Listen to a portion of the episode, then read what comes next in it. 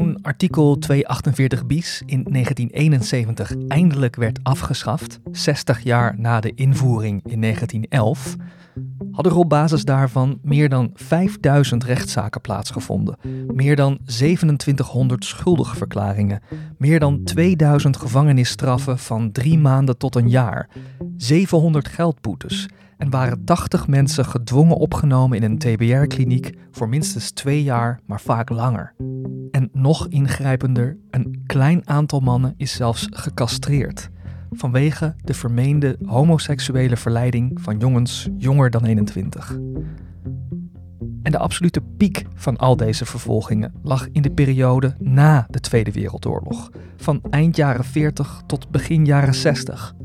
Daar was dus helemaal geen Duitse bezetting voor nodig, vertelt Martien Sleutjes die verrechtsing die uh, voor de oorlog begon, die, zou je zeggen van nou, dan zou de oorlog is toch een, uh, wat rechtsscheid betreft toch wel een absoluut dieptepunt. Nope. Na de oorlog dan is er een, de, de morele herbewapening en weet ik allemaal wat. en dan zie je dat die, die vervolgingen juist gaan toenemen. het enige wat er dan gebeurt is dat, dat heeft mooi opgetekend door Anne Thijsseling, is dat rechters beginnen te klagen dat eh, degene die ze aanklagen zich steeds meer verdedigen op basis van wetenschappelijke argumenten. Eh, namelijk het Kinsey-rapport, wat in 1948 is verschenen. Dus eh, ik denk dat dat ook wel waar is, dat, mm. dat, dat, dat, dat ook wel erin zit. Waarom is dit van belang? In de LHBT-beweging is dit van belang omdat die vervolgingen van na de oorlog en de, zeg maar de, de onderdrukking tot, uh, nou, tot, tot midden jaren 60 het altijd het gevoel heeft gegeven op 5 mei 1945 is de oorlog niet afgelopen voor ons. Ja. De oorlog gaat gewoon door. En dat is de oorlog tegen wie wij zijn. Um, en dat maakt het ook dat, dat die, die uh, eh, LHBT-beweging zo gevoelig is voor uh, ideeën over vervolgingen in de Tweede Wereldoorlog.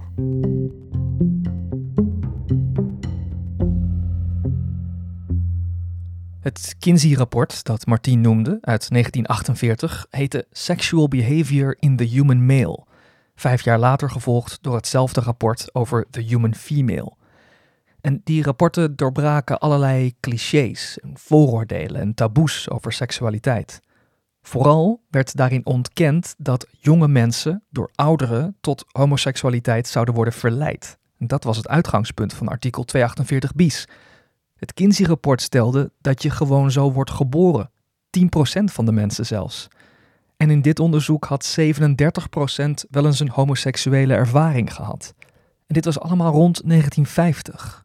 Toch daalde dat besef maar langzaam in. Want zoals Martien zei, terwijl de oorlog was afgelopen en Nederland in beslag werd genomen door de wederopbouw en de morele herbewapening, nam de vervolging op basis van 248 bis juist toe. Gek genoeg hadden weinig mensen dat tot in de jaren 60 helder voor ogen. De oorlog bleef overal een stempel opdrukken, ook op de dan opkomende homobeweging. En zo werd er bij het Amsterdamse COC in 1966 een lezing gegeven door Jeff Last. Die stelde dat in Nederland tijdens de oorlog 100.000 homoslachtoffers waren gevallen. Ja, want dat is een fijne overdrijving. Want die, eh, waar hij die cijfers vandaan haalt, intern vanuit het COC, is volslagen onlogisch. Ja. Want er heeft, niemand heeft dat ooit genoemd. Ja, waar komen die cijfers vandaan? En dat is wel van, van ongelooflijk groot belang, omdat dat in de jaren 70 echt goed fout ging. Die cijfers komen uit uh, zijn, uh, de, de, koker van zijn Duitse kameraden, zullen we maar zeggen. Mhm. Die in de Duitse strijd tegen, homostrijd tegen paragraaf, voor de afschaffing van paragraaf 175 werd de Tweede Wereldoorlog en dan vooral de vervolging door de nazi's gebruikt als politiek wapen. Ja. En uh, daar komt ook uh, die, die, die, dat idee van uh, homo's droegen in de, in de kampen roze driehoeken. om ze te onderscheiden van politieke gevangenen, die rode driehoeken droegen of zwarte dat idee dat komt, dat werd in, in Duitsland gebruikt in de strijd rondom paragraaf 175. En daar begonnen ook die grote aantallen namen rond te zingen. In, uh, binnen het COC heeft een, een, een, een, Duitse gevoelsgenoot het ooit een keer verwoord, in 1947 of zo. Van hoeveel van zijn vrienden in, uh, in Berlijn waren vervolgd. En daarna is het, is er nooit meer over gegaan. Nou, even over die cijfers. Uh, die 100.000. Um, dat, was, dat is een schatting van hoeveel mensen erop in, de, in Duitsland, Duitsers dus, -hmm. Hoeveel mensen er op basis van uh, die verstrengde paragraaf 175 uh, zijn opgepakt op verdenking van homoseksualiteit. Maar wat er niet bij wordt verteld is dat die mensen vervolgens uh, het justitiële systeem ingingen. En van die 100.000 werden er uiteindelijk gewoon 50.000 uh, nooit aangeklaagd. Nou, dan is 50.000 is nog steeds een hele hoop, maar als je dat op een land als Duitsland ziet, valt het eigenlijk toch nog wel mee. Mm. Van die 50.000, en daar begint het gedonder, daarvan zijn er een flink aantal veroordeeld. En ja, die zijn natuurlijk onverbeterbaar. En dus als ze dan vervolgens uit de gevangenis komen, ja, wat moet je er dan mee doen? Ja, dan stop je ze in, in concentratiekampen om ze lekker hard te laten werken. Want hard werken, dat zorgt er in elk geval voor dat ze niet meer aan seks denken. Tenminste, dat was, dat was een beetje het idee. Nou, en die, die, die concentratiekampen waar ze naartoe werden gestuurd, het, werk daar was echt moordend. Zeg maar, uiteindelijk komen er zo'n 10.000, wat is vastgesteld, in die, uh, in, in die werkkampen terecht. En daarvan uh, zo'n 6000 heeft het niet overleefd, gewoon vanwege de erbarmelijke situatie. Ja. Het ik denk dat, dat als je dat zou vergelijken met groepen die die andere driehoeken droegen, uh, sommigen zullen uh, wat, wat, wat beter geëquipeerd zijn geweest om aan, aan het onderdrukte leven in de kampen. want je moet, als je een beetje kunt hosselen, dan kun je misschien net een extra maaltijdje krijgen. Of je kunt zorgen dat je niet naar de steengroeven wordt gestuurd vandaag.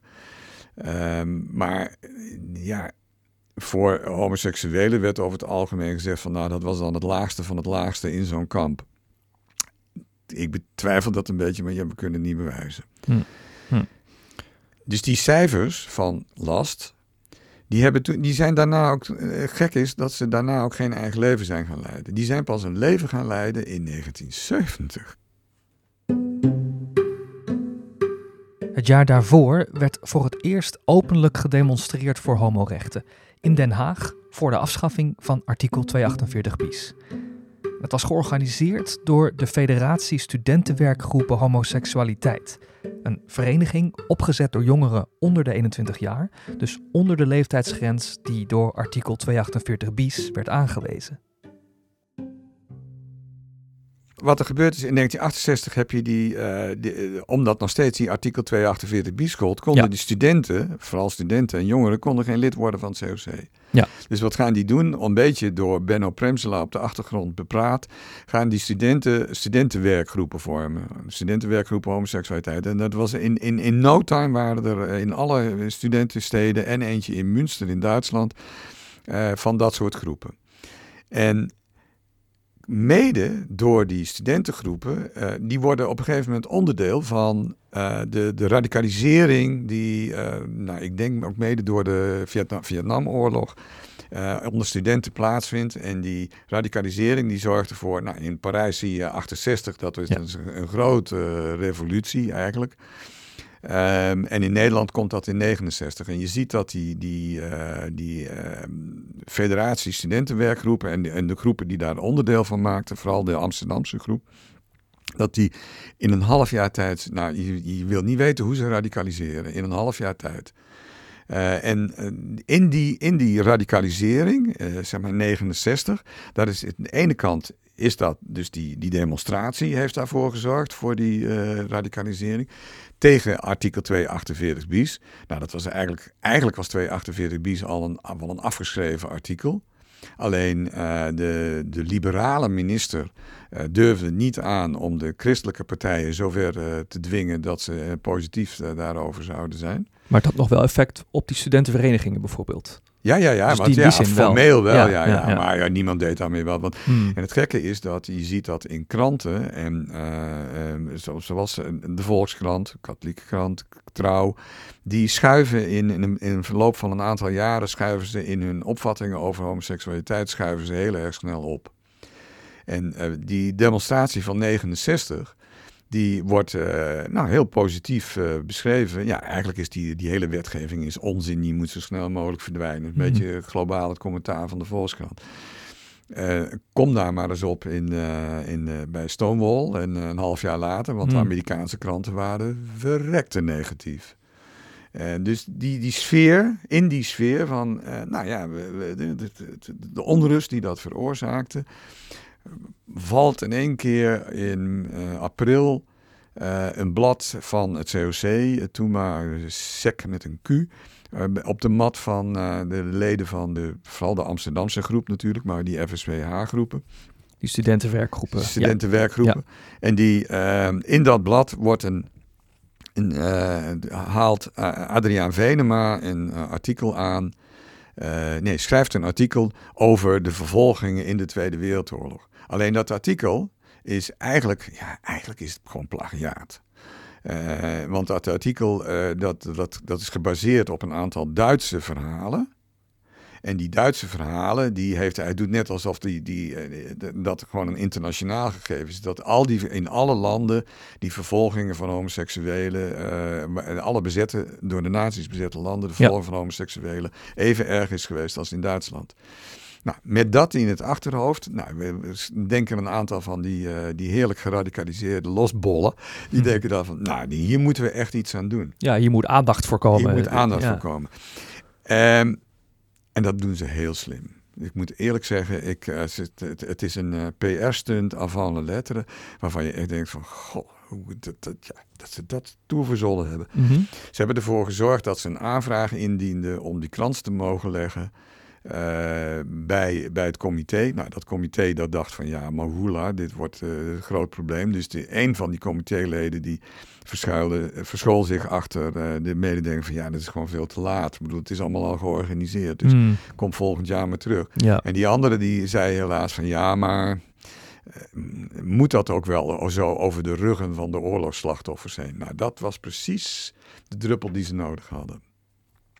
En nou, je, vraagt dat dus aan, eh, zeg, nou even globaal, eh, 14 dagen voor de, de, de, de, de kranslegging. Idioot, zou je tegenwoordig niet eens meer bedenken. Mhm. Dat doe je drie kwart jaar van tevoren. En Yep. dan nog eh, ben je een beetje aan de late kant.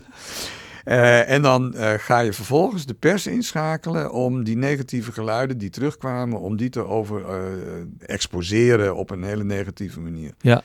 Nou, dat is echt fantastisch. Echt fantastisch. Eh, en dan vervolgens ga je, doe je dan ook de actie. Hè? Dus eh, Bij de daadwerkelijke kanslegging op 4 mei. op 4 mei, ja. Ja. En dan loop je dus, dat was heel stiekem, want ik weet niet of je, Krasnapolski heeft een achteringang. Eh, of een zijingang in een van die, van die, van die steegjes. Ja. Want dat was vroeger de, de ingang van de, de eerste energiecentrale van Amsterdam. Hm. Want dat, die was van Krasnapolski. Die toren die staat er nog steeds. En daar zijn ze met die krans binnengelopen en vervolgens dus via de lobby als een hel naar buiten gelopen. En dan zie je in één keer eh, op de journaalbeelden, zie je dus van, nou dat was echt een, ik denk dat vier seconden of zo voor ze ge- getackeld werden. Eh, tegenwoordig zou dat, zouden ze die vier seconden niet eens halen, Mhm. maar toen dus wel. En dan moet je je voorstellen dat aan de andere kant van, eh, van het eh, monument stond eh, de koninklijke familie. Nou, die, tegen, tegenwoordig is de, er überhaupt een cordon van van beveiliging omheen. Die zouden er niks van meekrijgen. Die, zouden, die, hebben, nou, of de- die, die hebben er waarschijnlijk ook helemaal niks van meegekregen. Nee, want het, ja, dit- zij kwamen van de achterkant af. Mhm. Dus. Mhm. Oh ja, dus ze zijn echt daar. Ze hebben wel natuurlijk een bepaald moment afgewacht om te zeggen: nu gaan we, Ja, nu, gaan, we Ja, naartoe. wa- het waren, ik, ik bedoel, ja, het, het, het past in, in, in, de, in de hele scene van eh, eind jaren 60 en begin jaren 70 Ja. van eh, ludieke acties. eh, die in dit geval niet zo ludiek waren bedoeld. Nou, later op de avond, bij, als de, de koninklijke familie weg is, dan is het, ik geloof nog steeds gebruikelijk dat dan de Amsterdamse organisaties kransen gaan leggen. En toen is de krans wel gelegd. Alleen de, de demonstratie die daarbij gehouden is met pamfletten, eh, waarin werd uitgelegd van waarom er werd geprotesteerd. Ehm, die werd verboden. En eh, van die, we hebben van die pamfletten hebben er ook nog nooit een origineel gevonden. Dus misschien dat hopelijk dat iemand nog een Hm. keer ergens bij eh, nog een origineel tegenkomt. Maar we weten wel wat de tekst eh, Ja, want was. wat, want wat stond er en wat stond er op de, de zat er een lint bij? Wat was hun statement? Hoe, hoe, hoe Voor ze de, dit? voor de, eh, de homoseksuele slachtoffers of zo staat er, Ja. staat er op die, eh, ehm, die kransen. Ja. Maar dus, dus een, een, een, een, eigenlijk een fout artikel leidt tot een, een, een actie die duidelijk... En als je kijkt naar wat er in dat pamflet stond, dan zeggen ze van ja, kijk, de Joden die krijgen inmiddels eh, terecht eh, aandacht voor hun, eh, hun- de vervolging die aan, aan hen zijn aangedaan in de Tweede Wereldoorlog. Maar wij moeten eigenlijk ook nu de onderdrukking van homoseksualiteit eh, moeten we aan de orde stellen. Zoiets dergelijks. Ja. Is het. Ik, ik, ik, heb het niet letterlijk, maar, Mhm. maar dat is wel een interessante. Want daar wordt een, een, een koppeling gemaakt tussen het slachtofferschap van de Joden en eh, het slachtofferschap van de homo's. Ja. En dat is, dat is een beeld wat dus heel lang is blijven bestaan. Nou, eigenlijk tot nou, midden jaren tachtig. Mhm. Eh, misschien zelfs wel jaren negentig. Ik weet Ja. het eigenlijk niet. Eh, want daartussen dan zit nog dat, ja, wat neemt dan eigenlijk nog toe in de jaren zeventig? Ehm, Ja, want in, in 1975 heb je dus weer zo'n grapje. Ja. De, de rode flikkers in, eh, in, Nijmegen? In, in Nijmegen. Die eh, krijgen ruzie met, eigenlijk met hun communistische eh, jongetjes in, de, in dezelfde organisatie. En een paar daarvan zeggen van ja, gelul, we gaan gewoon een krans leggen op, op 3 mei was het toen. Want ik geloof dat 4 mei een zondag was of zo. mm, Ehm, en eh, daarna een demonstratie houden in de binnenstad om mensen duidelijk te maken dat. Nou, bij die demonstratie zou ook eh, een, een, een, soort, soort eh, was toen heel erg in theater worden gemaakt, straattheater. En tot groot geluk van de rode flikkers werd dat dus door dat deel door de politie verboden. Ja, de Amsterdamse politie die zou dat niet in hun hoofd hebben gehaald om dat te verbieden. Maar eh, de, de Nijmeegse politie wel. Nou, dat leidde dus tot een aantal arrestaties van mensen die eh, toch een soort straattheater gingen doen. En eh, ja, daarmee werden de rode flikkers werden, in één keer helemaal centraal. Want niemand kon zeggen dat ze, dat ze een onzinnige actie hadden gevoerd. Dus eh, zelf, ook het COC en alle organisaties er rondomheen moesten gewoon eh, de, de, de politie eh, aanvallen en de, de, de, de, de, de, de actie van de rode flikkers steunen. Ja. Nou, dus ze werden dus wereldberoemd in Nijmegen en in Nederland. en, die demonstreerden daar met die roze driehoeken. Ja, en, die, en, die, en dan komt het. Die roze driehoek, die hebben zij meegenomen van een eh, bijeenkomst. Eh, ze waren met kerst in, de, in het jaar daarvoor waren ze naar Berlijn geweest. Een vriend van hen die zat in Berlijn en die werkte bij een van de linkse uitgeverij. En die heeft hen voorgesteld aan eh, de, ehm, eh, de act- actieve homogroep in Berlijn. Eh, en die, in die actieve homogroepen, daar gold het eigenlijk als... als je dan... eh, eigenlijk zou, je, eh, zou iedereen om de maatschappij te terroriseren... zouden we allemaal in, in slechte travestie moeten gaan lopen. Ehm, het is van dat hele slechte eh katoenstof eh, materiaal. Eh, en als je dat dan niet durft of kunt voor je werk... draag dan in elk geval een roze driehoek. En toen dachten zij van, oh ja, roze driehoek. En waarom? Ja, nou, dan kom je weer met de, de oorlog en met de vervolgingen en met eh, de vervolgingen na de oorlog en met de minderwaardige positie van homoseksuelen. Nou, zeker ook nog in de jaren zeventig. Eh, dus ja, de- zij namen dat idee mee. En de vlag die ze daarbij op, bij die demonstratie uit, dat, daar heb je ook de eerste keer dat de roze driehoek in Nederland wordt gebruikt. Ja, Maar daar hadden ze nog voor de veiligheid nog maar even homo naast gezet. om, om duidelijk te maken waar het voor staat. Ja. Ja, want dat moest nog echt worden neergezet. Ja. Eh, dat wist men niet. En dat is, ja, dat is zeg maar het begin van, nou, dat du- duurt een jaar of twee als ze hun argumenten van, eh, jongens, eh, we moeten veel actiever optreden tegen de onderdrukking. En, en vooral te- zeg maar, tegen de, de heteroseksuele onderdrukking en te- tegen het huwelijk en ga zo maar door. En het, tegen het huwelijk, daar was het COC het wel mee eens, maar tegen de heteroseksuele onderdrukking, dat vonden ze altijd, moesten wat terughoudend zijn. Mhm. En nou, dan zie je dus dat er komt in Amerika krijg je Anita Bryant die met haar rechtschristelijke groepen het ehm, gay rights begint terug te draaien. En dan denkt iedereen ook in, in, in Europa en in Nederland van, ho, wacht eens even, wat daar kan. Want ze ging toch allemaal zo goed daar. Dat kan hier eigenlijk ook wel. Nou, die twee energielijnen die komen bij elkaar en dat leidt tot een, eerst tot een internationale demonstratie in 77 en zelfs in 78 heet het ook nog uh, een, een, internationale homo-demonstratie, internationale homo-solidariteit, want dat waren toen de, de, de kernwoorden van bijna elke demonstratie, hè? solidariteit. Mm -hmm. uh, hun strijd, onze strijd, internationale solidariteit. Nou, um, in, in, in, in, tussen ergens tussen 78 en 79 um, begint ook het COC te draaien.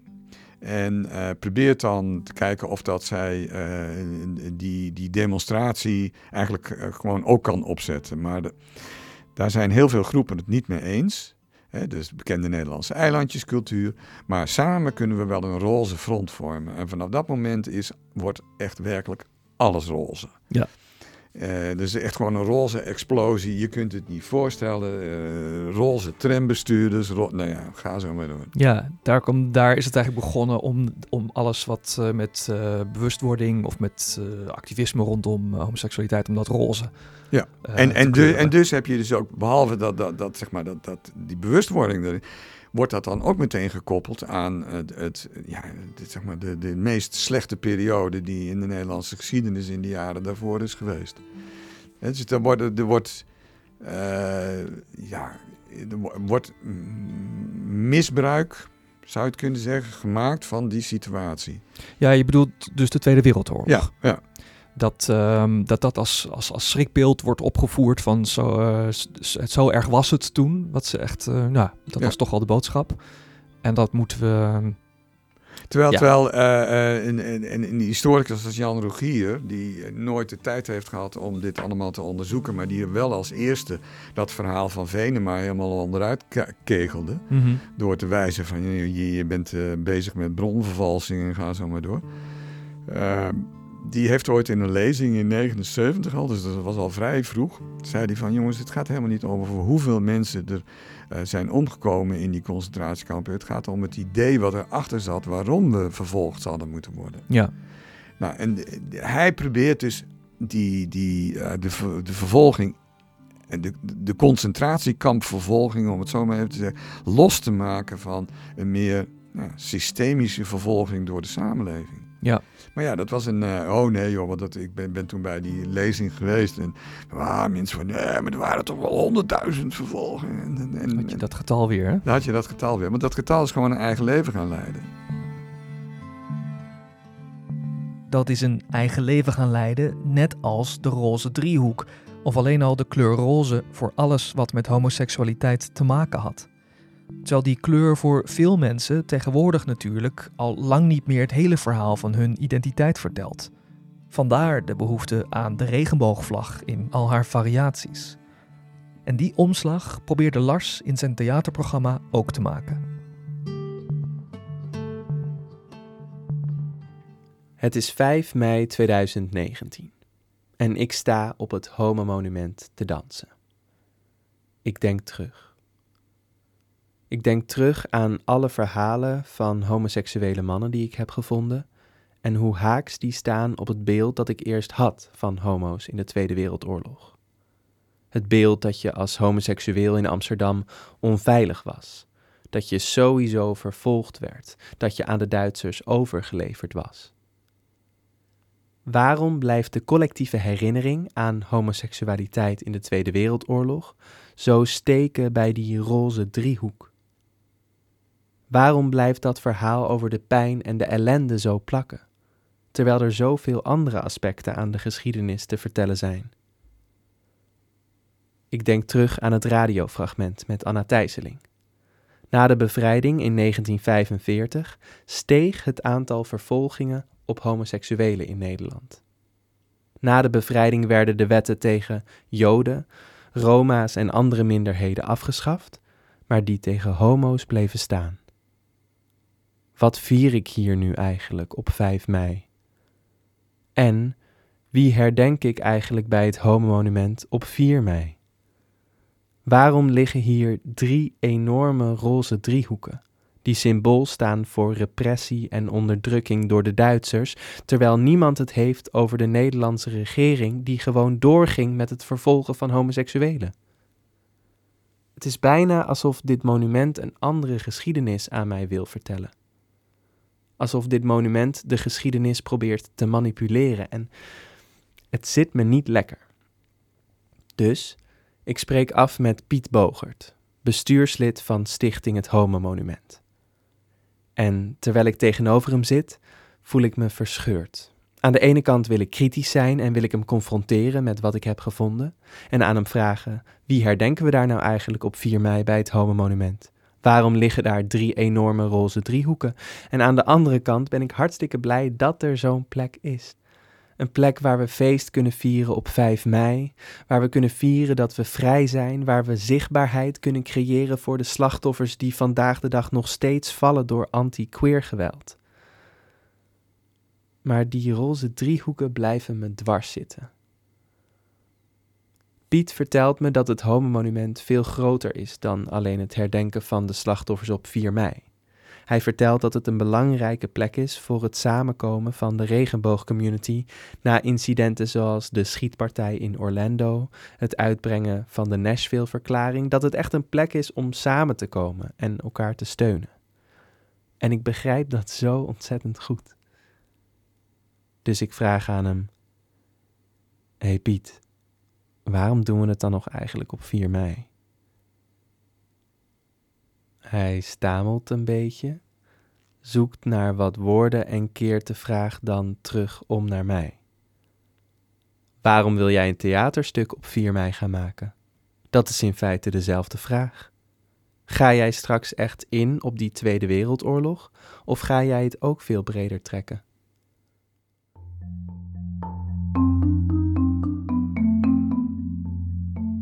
Ik praat daar zo verder over met Lars, maar eerst met Judith. Ze heeft zich jarenlang ingezet om ook homoseksuele slachtoffers van de Tweede Wereldoorlog officieel erkend te krijgen. De Wet Uitkeringen Vervolgingsslachtoffers sprak namelijk alleen over vervolging op basis van ras, geloof en wereldbeschouwing, niet iemands seksuele oriëntatie. En pas in 1986 is het gelukt, en dan ook maar één keer.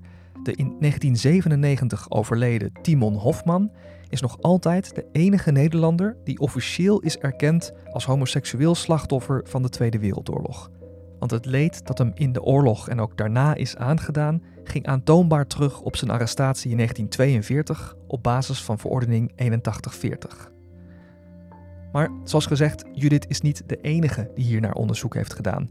Het in kaart brengen van het daadwerkelijke leed onder homoseksuele mannen en vrouwen tijdens de oorlog vindt al tientallen jaren plaats en de bevindingen lijken nog altijd heen en weer te gaan.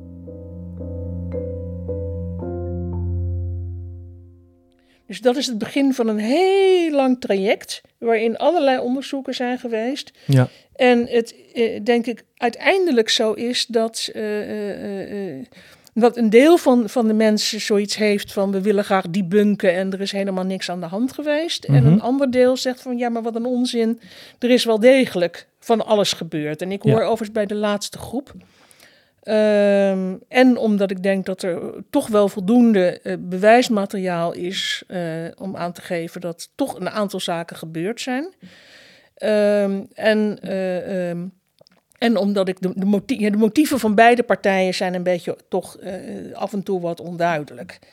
Ehm, ik, pak, ik pak hem even terug dat ieder jaar opnieuw op 4 en 5 mei zie ik op internet zie ik die discussie weer opkomen.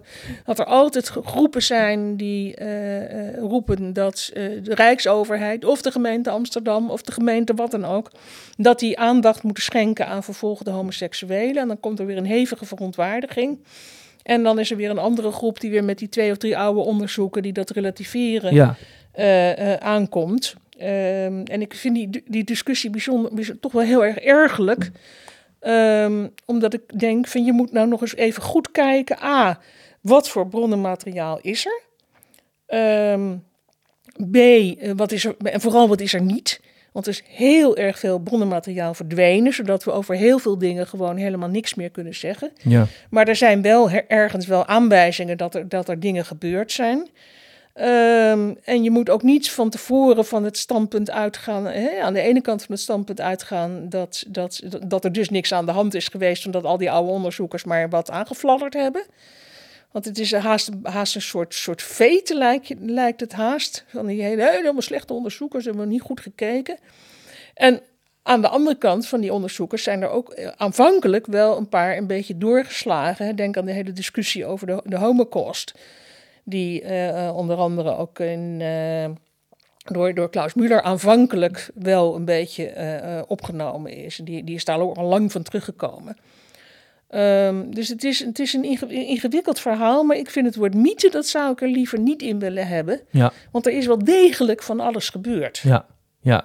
Maar inderdaad dat dat elk jaar weer opspeelt, hè? Ja, ja, dat is heel. eh, nou ja, er dat is iets hardnekkigs aan dat er is verhaal. heel en hardnekkigs het gaat zo dat die verhaal. twee kanten ook ja, op. Ja, En, en dat, dat blijft... Ja, ja, hoe, ja, maar dat blijft natuurlijk met, met mythes heel vaak zo, dat, het, dat die uitermate hardnekkig zijn. ja.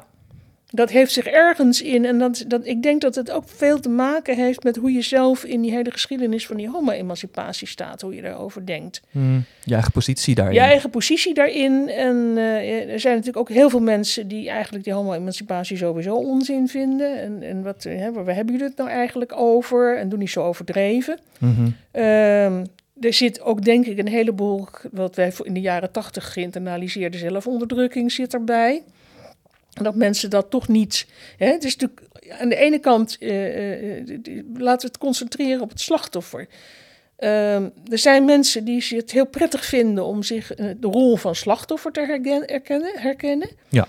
En er zijn ook mensen die juist absoluut geen slachtoffer willen zijn. Dus het heeft veel meer te maken, denk ik, met hoe je zelf in het leven haast staat. Waarbij de historische feiten een beetje in de verdrukking raken. En dat wilde ik ook aan Lars Brinkman voorleggen. Want zit hij met zijn theaterstuk niet aan de kant van de mensen die, zoals Judith zei, de vervolging willen debunken of relativeren? Mm, volgens mij is het helemaal niet relativeren. Is het gewoon erkennen dat er andere kanten aan een geschiedenisverhaal zitten. Ja, dat er meer aan de hand is dan alleen dat die realiteit van vervolging, bedoel je? Dat, ja, ja, ja. En, en de realiteit van de pijn en het verdriet. Ja, Dat was er. Ja. En er was ook geen, niet alleen maar pijn en verdriet. Er was ook liefde en er was ook seks. Ja. En ehm, ik voel gewoon een soort angst om dat beeld groter te maken. En ehm, het, is, het is denk ik ook geen wel eens niet eens discussie. Ik denk dat het heel erg gaat over, het is er allebei. En laten we dat erkennen. En dat vond ik ook wel interessant wat zij zegt over, wat zei ze, Ehm, over hoe je in het leven staat. Van zie je jezelf als een slachtoffer of niet. Ja. En ik denk dat zij ook echt uit een andere generatie komt dan ik bijvoorbeeld. Dus, en dat begrijp ik he- heel goed dat ze er ook anders in staat in die emancipatiebeweging. Omdat ze, ja, we leven nu in 2023 en dat is echt een andere tijd dan bijvoorbeeld de jaren 80 of 90, waarin er via dat slachtofferschap denk ik ook echt die zichtbaarheid nodig was om die emancipatiebeweging op gang te brengen. Ja.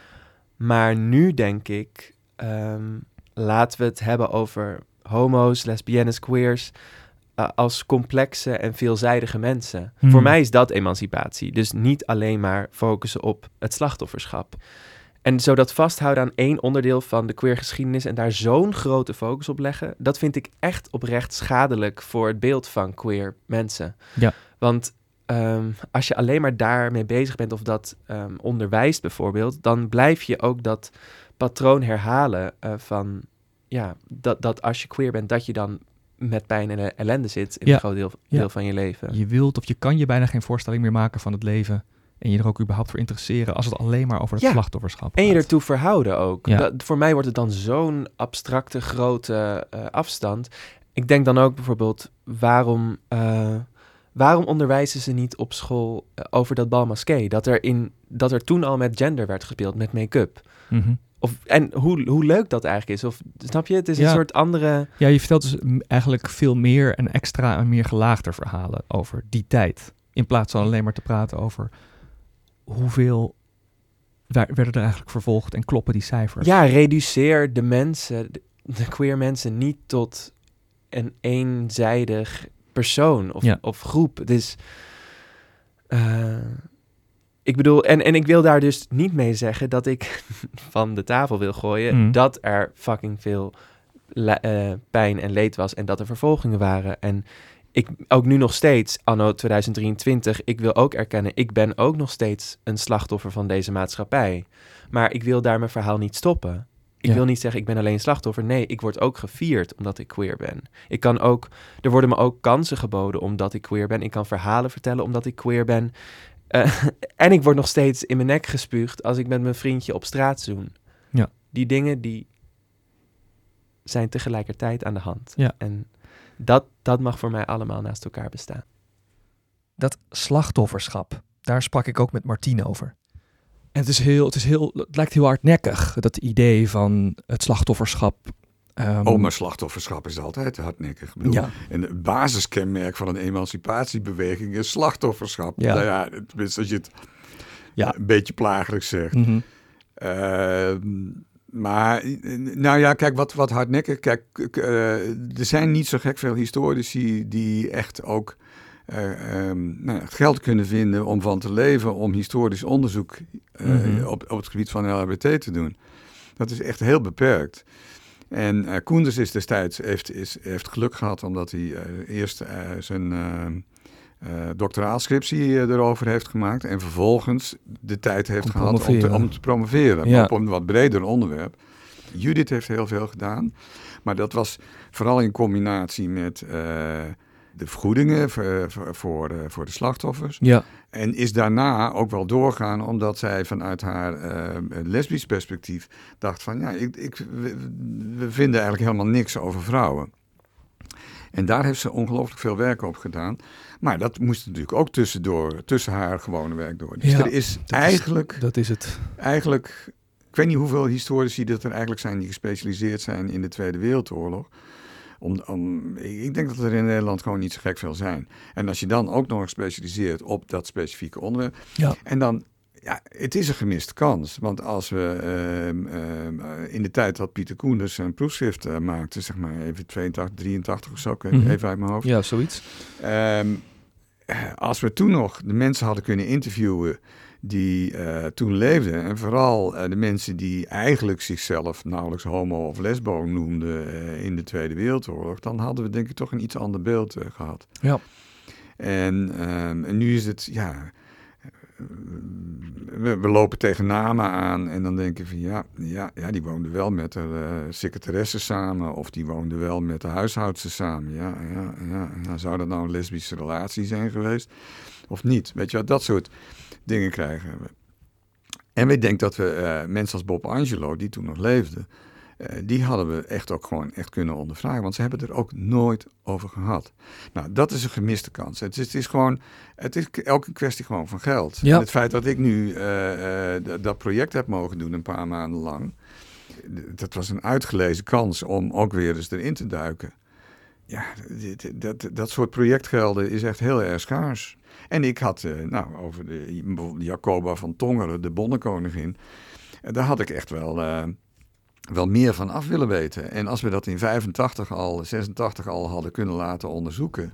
En misschien de families een beetje onder druk hadden kunnen zetten. Dan had, was het misschien toch anders gelopen. Dus die, eh, die verzwijging van eh, de rol van wat mensen hebben gedaan in de Tweede Kijk, we willen allemaal helden hebben. Want eh, ik bedoel, er is zelfs de, de grootste blockbusters in de tv- en filmwereld. Dat, dat gaat over helden. Ja. Nou, die helden die willen we allemaal hebben. Maar dat, dat eigenlijk het allemaal om hele kleine helden gaat. Die samen iets heel groots hebben gemaakt. Ja, dat wordt wel eens vergeten. Ja, dat is ook een lastiger verhaal. Dat is een veel lastiger verhaal. Dus Ja. het is veel makkelijker om eh, iets over Frida Bellefante of over eh, Jacoba van Tongeren of over uh, Willem Arendeus te vertellen. Dan, eh, dan voor al die mensen die. Hebben ze dat gedaan vanuit hun homoseksualiteit? Dat, dat eh, verzetswerk? Of hebben ze dat gedaan omdat ze links waren? Of hebben ze dat gedaan omdat ze eh, alleenstaand waren? Joost mag weten. Is het een combinatie? Oh, zon, ongetwijfeld. Maar ga dat maar eens bewijzen. Eh, dus ja. Ja, dus dat is heel genuanceerd. Zo. Ja, Dat- maar ja, dat- ja de- helaas. Geschiedenis, geschiedenis is genuanceerd. Ja. ja. Kijk, en we zijn zijn natuurlijk wat dat betreft, eh, of wat dat onderzoek betreft, natuurlijk eigenlijk echt 30, 40 jaar te laat. Want toen Ja. leefde iedereen nog. ja, precies. En inmiddels leeft er bijna niemand meer. Ja, dus dat, dat zei, eh, dat zei ehm eh, Martien ook. Dat is natuurlijk in die tijd van, mis- ja, misschien wel in die tijd van Koenders. Ja, toen Was werden er in de jaren zeventig, hè, de, de, die eerste discussies tussen Rob Tielman en, eh, en, en, en, en de Tweede Kamerfractie en het, en het NIOD waren uit 1974. Dus Ja. Dat ja. is echt 50 jaar geleden. Toen leefde iedereen, nou niet iedereen, maar degenen Nee, die de oorlog ja, hadden overleefd, precies. die leefden er nog wel veel van. En dan hadden er gewoon veel meer gewoon eh, toch iets meer aan de tand gevoeld Ja. kunnen worden van Ja, hoe, ja. hoe, zat je daarin, Ja. wat gebeurde er? Maar goed, met die verstanden dat het ook nog wel in een tijd was dat ze er dan niet over wilden praten hoor. Ja, Ik weet wel dat COC de herhaalde malen heeft geprobeerd om Jaap van Leeuwen, een van de, een van de oprichters van het COC, mhm. die had eh, bij het parool gezeten, bij de verzetsgroep, heeft in zeven maanden in het huis van bewaring gezeten wegens verzetsactiviteiten, wilde daar nooit meer over Nee. praten. nee. Hè, dat is dan nog iemand, Ja. een gezichtsbepalend iemand in die homobeweging en die er dus ook tegen mensen die die vertrouwt niet over wilde praten. Nou, dat maakt het ook extra lastig. Ontzettend. Ja. En ik wil nog één Ja. ding zeggen. Ehm, gewoon ehm, waar, waarom ik zo zit te hameren de hele tijd vanuit mijn positie op die andere kanten van het verhaal, eh, is omdat ik dacht, ja, wat is dat toch? Waarom is die neiging van mij zo erg om dat positieve ook het positieve te Mhm, benoemen? mhm. En ik denk dat die verhalen over het feest vieren en over de veer- veerkracht van de mensen, over de erotiek, over de liefde in oorlogstijd, dat dat de verhalen zijn die mij hoop geven. Hmm. En die heb ik, die kan ik elke dag meenemen. Omdat het verhalen zijn over mensen die manieren vinden om door te leven. En ook in een situatie die rot is, toch. Ja, en een soort levenskracht Ja, daarmee uitstralen en in zichzelf voelen en liefde voelen. Ja. Da- dat is voor mij een groter verhaal dan alleen maar nou, wat ik heb gezegd. Het is nu echt zo makkelijk praten, maar was er maar meer over gepraat? En was er maar meer bewaard gebleven dan die flarde informatie uit de archieven van de politie en gemeente? En was er maar eerder en meer onderzoek naar gedaan om die documenten en levensverhalen boven water te krijgen? Het is zo belangrijk voor zowel de discussies die we vandaag de dag voeren over of de vervolging nou erg was of juist al meeviel, maar ook omdat we gewoon verhalen nodig hebben. Met grote helden, zoals Martien zei, en met anoniem gebleven bakkers die graan achterhielden, zoals Judith zei. Maar ook met doodgewone, maar evengoed complexe mensen die zich toen misschien gevoelsgenoten noemden en die we nu zouden rekenen tot de LHBTIQ-gemeenschappen. Die waren er toen ook al. En zoals we hebben gezien, die werden meer dan alleen in hun nek gespuugd, zoals Lars vertelde. Ook of juist toen de nazi's hier al lang vertrokken waren. Praat met elkaar, bewaar spullen, doe onderzoek.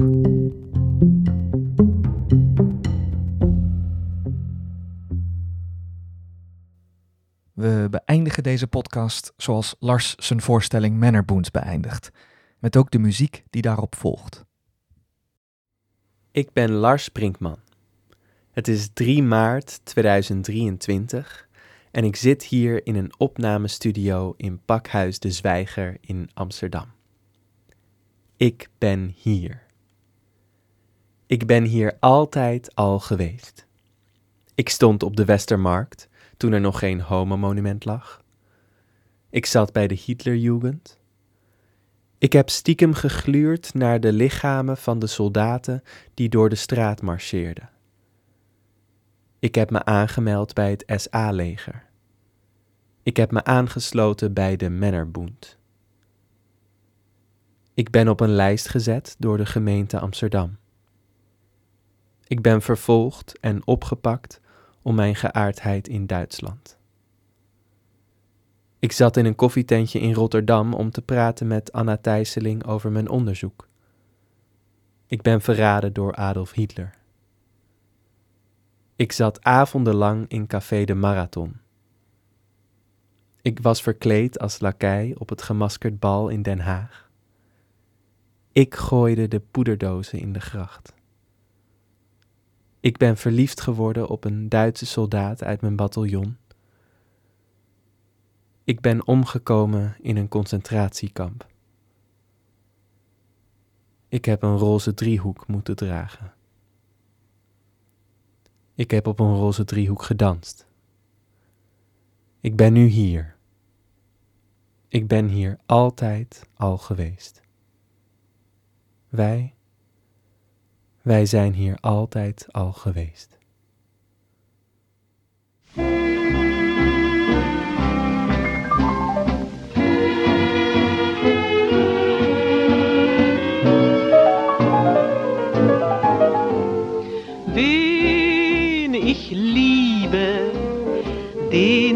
Traurig und glücklich. Wen ich liebe.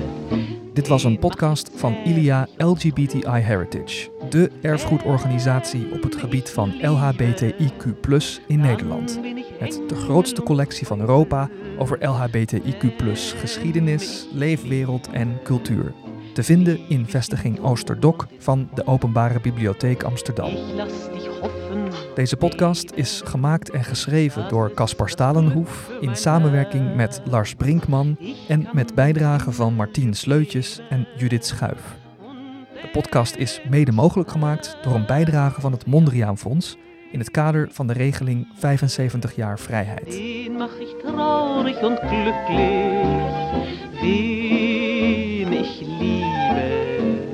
Dem brech ich lächelnd.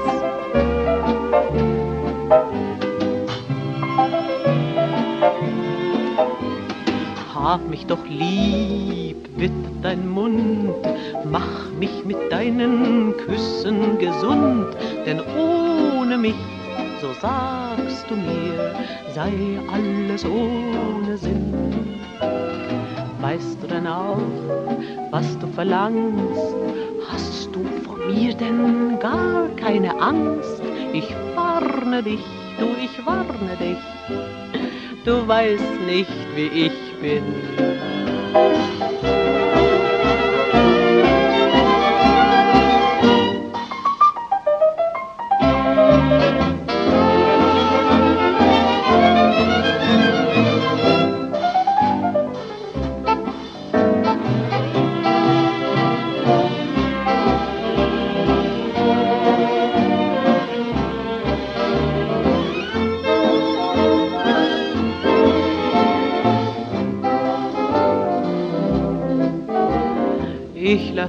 Hoffen und beben.